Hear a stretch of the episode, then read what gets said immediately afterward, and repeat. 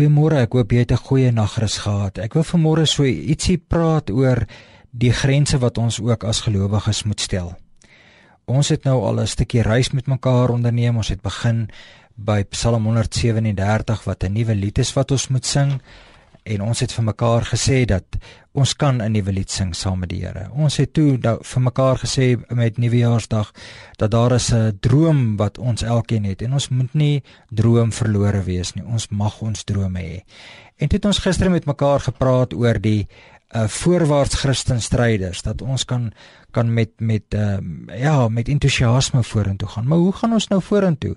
Deur vir ons grense te stel deur vir ons uh, te sê hoorie sommer dit is toelaatbaar en dit is nie toelaatbaar nie. En hoe stel ons daardie grense? Miskien moet ons eers kyk na 1 Konings 21. Lees dit gerus deur want eintlik die hele gedeelte maak uh, maak sin as jy dit ook saam lees. Dis Nabot en sy wingerd. Nabot die Israeliet uh, het in Jesreel 'n wingerd gehad langs die paleis van Agab. Die, en en Agab was die koning en Agab wou verskriklik graag hierdie wingerd gehad het.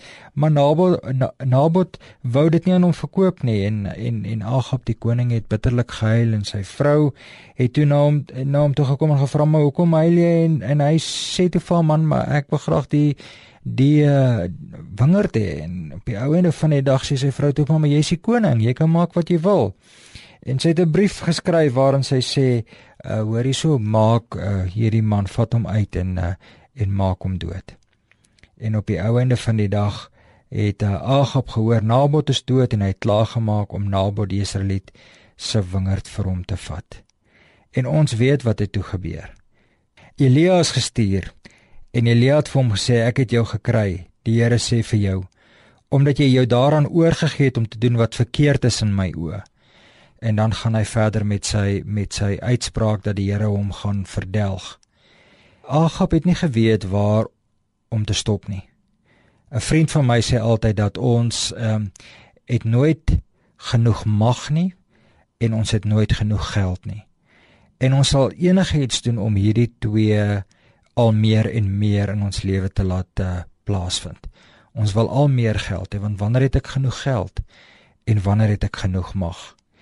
As ons nie saam met die Bybel loop, as ons nie saam met die Here wandel in hierdie nuwe jaar nie, dan gaan jy nie weet waar jou grense is nie. Dan gaan jy nie jou drome ook God se drome kan laat word nie, want dan word jou drome jou eie behoeftes van die wingerd wat langsaan is, wat mooier is, uh, wat beter is en uh, op die einde van die dag dan vreet hierdie begeertes jou heeltemal op.